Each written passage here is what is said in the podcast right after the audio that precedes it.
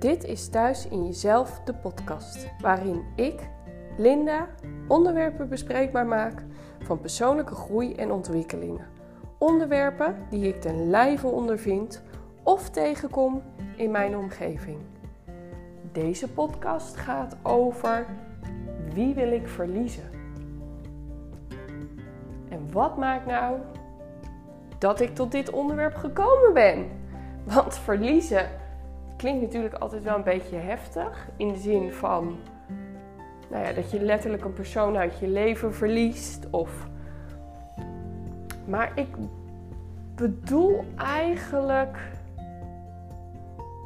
een verlies in, denk ik, contact. Misschien is dat wel een woord uh, wat hierbij past. Maar ik denk wel dat het in de loop van de podcast duidelijk gaat worden wat ik bedoel.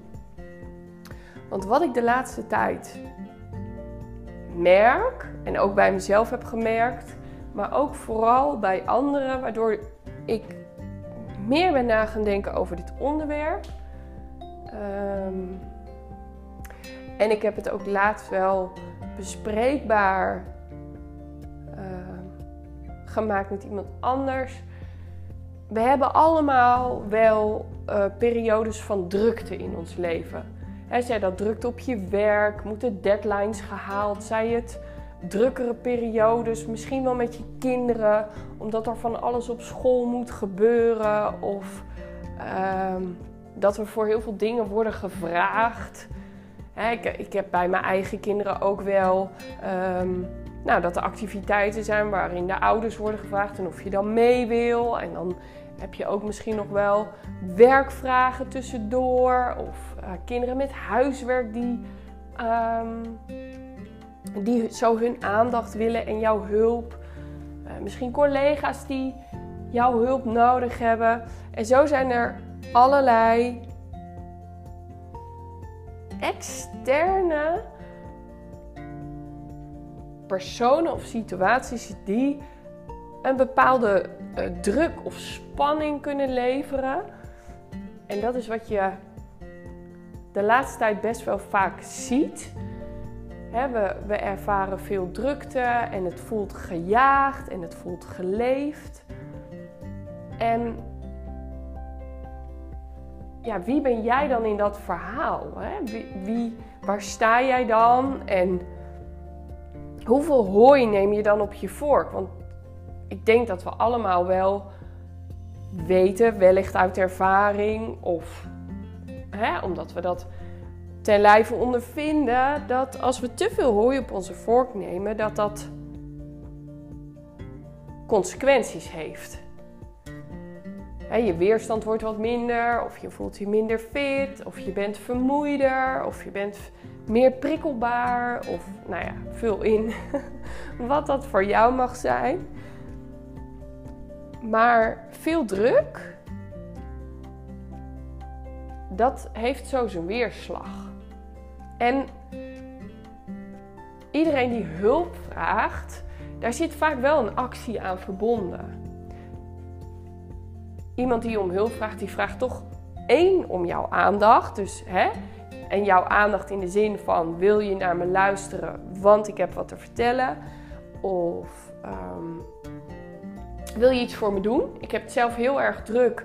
En uh, zou jij uh, dit werk uit handen willen nemen, zodat ik meer tijd overhoud voor die andere klus?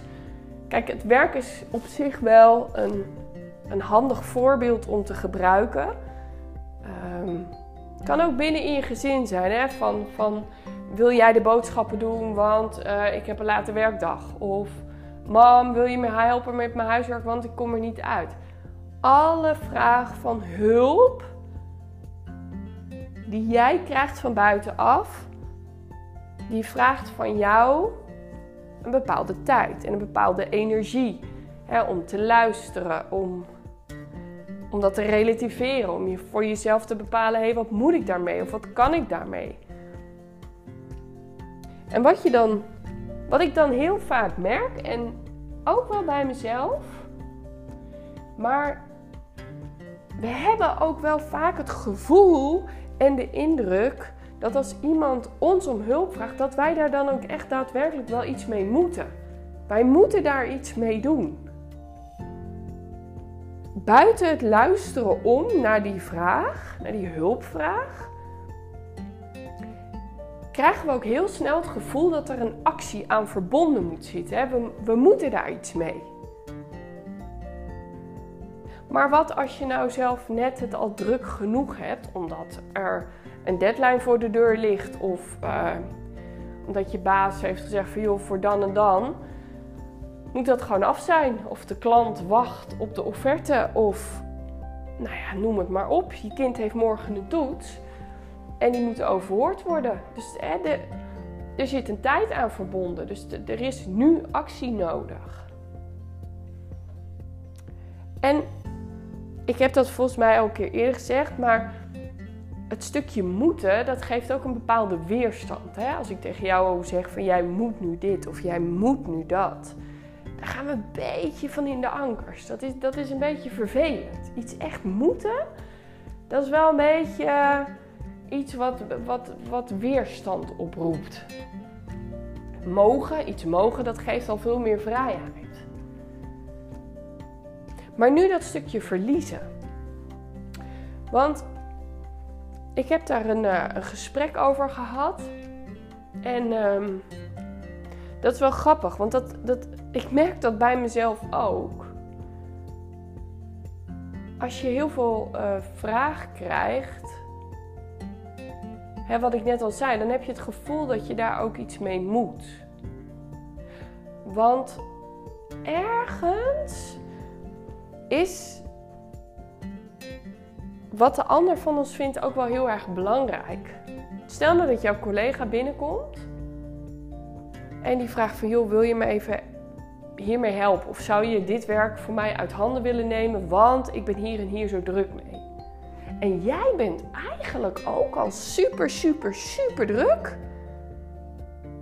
Maar ja, dan moet je nee zeggen. En nou ja, is dat dan niet egoïstisch? Is het ik bedoel, zij heeft je hulp nodig of hij, maakt niet uit. jouw hulp wordt gevraagd en dan zou jij nee zeggen.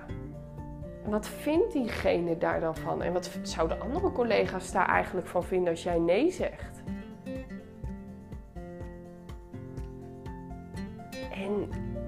Dat kan ook bijvoorbeeld wel op school zijn. Stel dat je wordt gevraagd als ouder of je mee wil helpen aan een activiteit en je week zit al zo vol gepland en er is al zo ontzettend veel drukte. En dan wordt jouw hulp gevraagd op school. En dus nee zeggen is dan misschien wel helemaal geen optie, want ja, wat zouden al die andere ouders daarvan zeggen? Of de juf, je bent er al nooit en je bent altijd al aan het werk en dan, ja, ik weet niet of je de film Luizenmoeders hebt gezien. Nou, ik vond hem erg goed, want er zitten toch wel heel veel herkenbare dingen in. Hè? Dat je toch het gevoel hebt dat daar een clubje ouders staat die dan het over jou hebben. Oh, oh dan heb je die moeder die er nooit is. Nee, maar als een keer naar de dierentuin gaan met, uh, met een schoolreisje, dan is ze er wel. Of zegt dit heel veel over mij? Nee, maar hè, we kennen allemaal wel van die voorbeelden. Ehm, waarin je ergens nee zou willen zeggen, maar toch maar ja zegt, want je voelt toch een bepaalde druk van buitenaf. He, toch een beetje bang wat de ander dan daarvan vindt, of misschien stel je die persoon wel heel erg teleur. Je, het is toch wel fijn als iedereen op jou kan rekenen, toch? Dat geeft een fijn gevoel. Hè? Dat zou ik ook hebben. Als mensen zeggen, nou, bij Lin, echt te gek, joh, daar kan je altijd bij terecht. Die wil altijd helpen, staat altijd voor je klaar. Dat geeft toch wel echt een goed gevoel.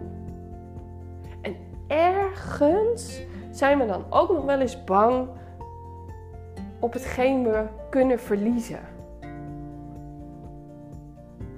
Hè, misschien toch weer met de achterliggende gedachte wat die persoon dan van jou vindt. Stel nou dat je een vriendin hebt en die wil heel erg graag met jou de hoort op, of een vriend, of maakt niet uit. Die, die wil graag een keer met je afspreken.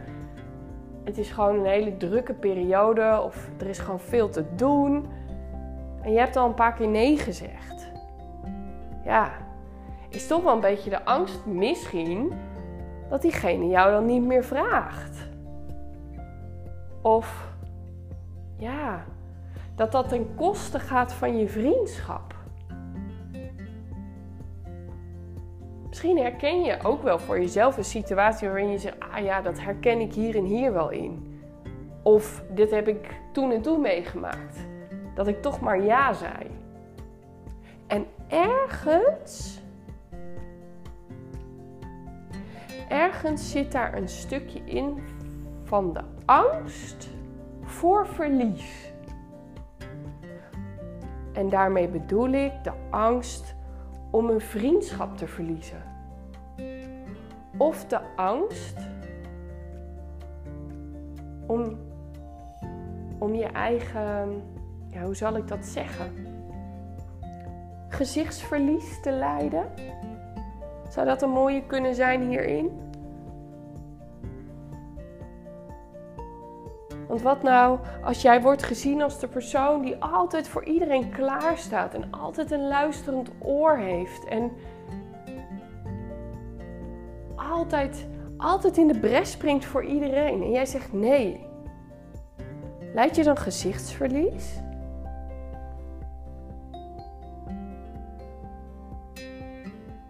En wat als jij een bepaalde nou, stel dat je trainer bent of zo binnen, de, binnen een voetbalclub of wat dat ook mogen zijn. En je kan een paar keer niet. Ben je dan je baan kwijt? Wat verliezen we op het moment dat we nee zeggen? Verliezen we onze vriendschappen? Verliezen we contacten? Verliezen we een functie? Verliezen we een plek binnen een bepaalde hiërarchie. Verliezen we sociaal contact? Verliezen we een bepaalde band met iemand? Verliezen we onze eigen waardigheid? Heb je gezichtsverlies? Wat verlies jij op het moment dat je nee tegen iemand zou zeggen? Welke onderliggende angst maakt dat je geen nee zegt, maar ja? Meestal, als we niet eerlijk durven zijn in de zin van joh, eigenlijk heb ik ook geen ruimte, want ik heb het op dit moment ook onwijs druk. Ik... En dan dan kom ik, nu dit zeg, op het stukje wie wil je verliezen? Want we zijn heel vaak bang om het goede contact met een collega te verliezen. Of wat ik al zei, bang onze waardigheid te verliezen. Of een stukje status. Wat als jouw baas op een bepaalde manier naar jou kijkt en je in ieder, ieder functioneringsgesprek hebt gehoord hoe blij ze zijn. Dat je altijd voor iedereen klaar staat en hoe geweldig. Wat, wat, als, dat, wat als dat jou maakt?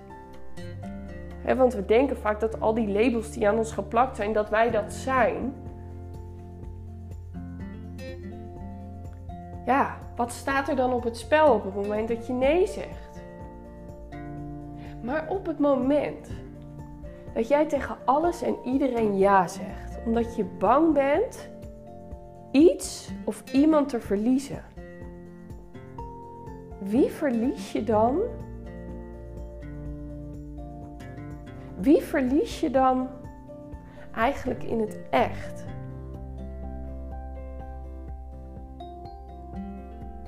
Uiteindelijk.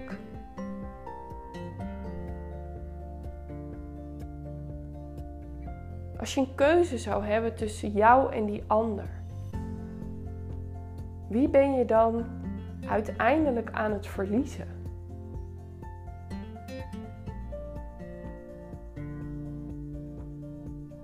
Als je altijd ja zegt tegen de ander, ook al komt dat je niet uit, of ook al ben je veel te druk, of al is dat hooi op je vork eigenlijk al meer dan genoeg. En een ander komt toch nog met een beetje hooi aanzetten om dat nog even bij jou op die vork te leggen.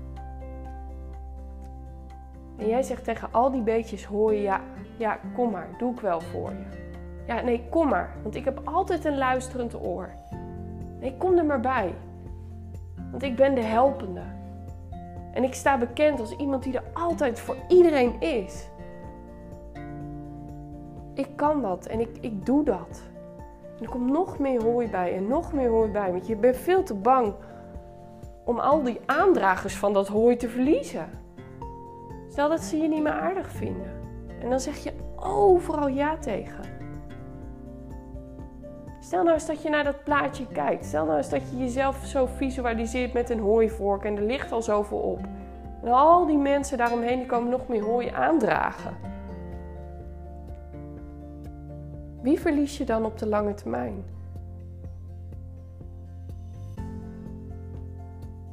Wie gaat er uiteindelijk gebukt onder die hele baal hooi?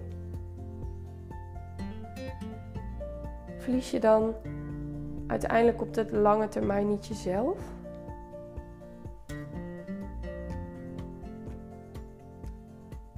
En wie ben je dan zonder jezelf?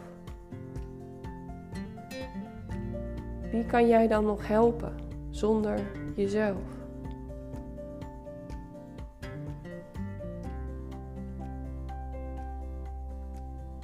Dus wie wil je dan verliezen? Al die anderen? Of jezelf? En wanneer kun je dan het allerbeste een ander helpen?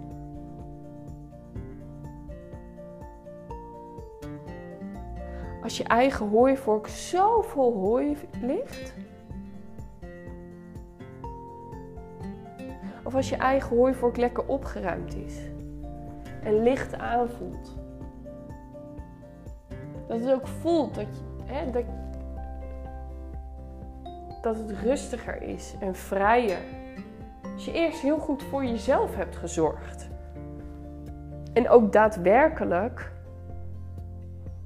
een ander echt hulp kan bieden, zonder dat het dan voor jezelf te zwaar is. Want je kunt wel hulp bieden aan een ander, terwijl het zelf helemaal niet goed met je gaat. Maar wie verlies je dan?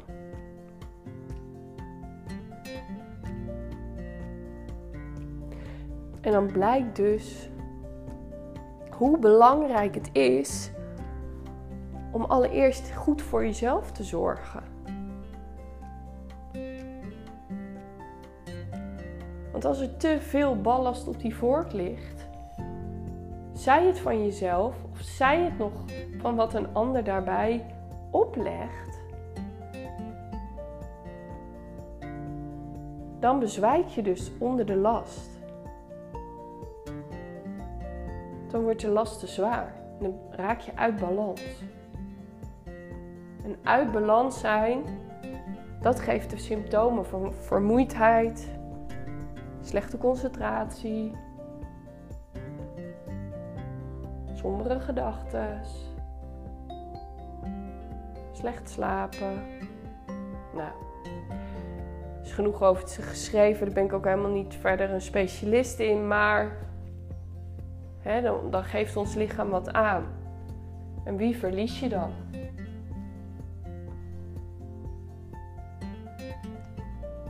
En dat was eigenlijk. Dat was eigenlijk omdat ik dit onderwerp zo graag bespreekbaar wilde maken. Want het is best interessant, hè? Want ik denk eigenlijk wel dat we dit allemaal wel eens meemaken. Stel jezelf dan eens de vraag, hè, op het moment dat het dan zoveel is. Of dat het wat drukker is. Of dat je, ja, dat je het gevoel hebt dat het je moeite kost om je hoofd boven water te houden. Stel jezelf dan eens de vraag: wie wil ik verliezen? Want op het moment dat je jezelf verliest, dan kun je een ander helemaal niet meer helpen. Klinkt heel platgeslagen, maar zo is het natuurlijk in feite wel. Je hebt eerst de zorg voor jezelf nodig voordat je voor een ander kan zorgen. En ik heb hem denk ik al eens een keer aangehaald, maar ik wil het toch nog een keer doen. In het vliegtuig krijg je bij zo'n introductiefilmpje die, die zuurstofmaskers te zien. En wat ze duidelijk proberen te maken in die filmpjes is: je zet eerst het zuurstofmasker bij jezelf op en dan bij het kind naast je. Want op het moment dat jij geen zuurstof meer hebt, kun je niet meer voor degene naast je zorgen. Je hebt eerst zelf zuurstof nodig en dan kun je weer verder met een ander. Dus je mag eerst zorgen voor jezelf. En nu hoop ik dat dit onderwerp jou misschien wel aan het denken zet. Of jou inspireert. Of misschien zit je er wel middenin. Ik ben ontzettend benieuwd of je dit herkent. Of misschien ga je hier ook wel doorheen. Of misschien denk je, hé, hey, nou, hier zit eigenlijk wel een eye-opener in. Laat het me dan weten. Vind ik echt ontzettend leuk. Ik zeg, tot de volgende keer. Ontzettend bedankt voor het luisteren. En volgende, week, volgende keer komen we gewoon weer met een nieuw leuk onderwerp. Tot dan!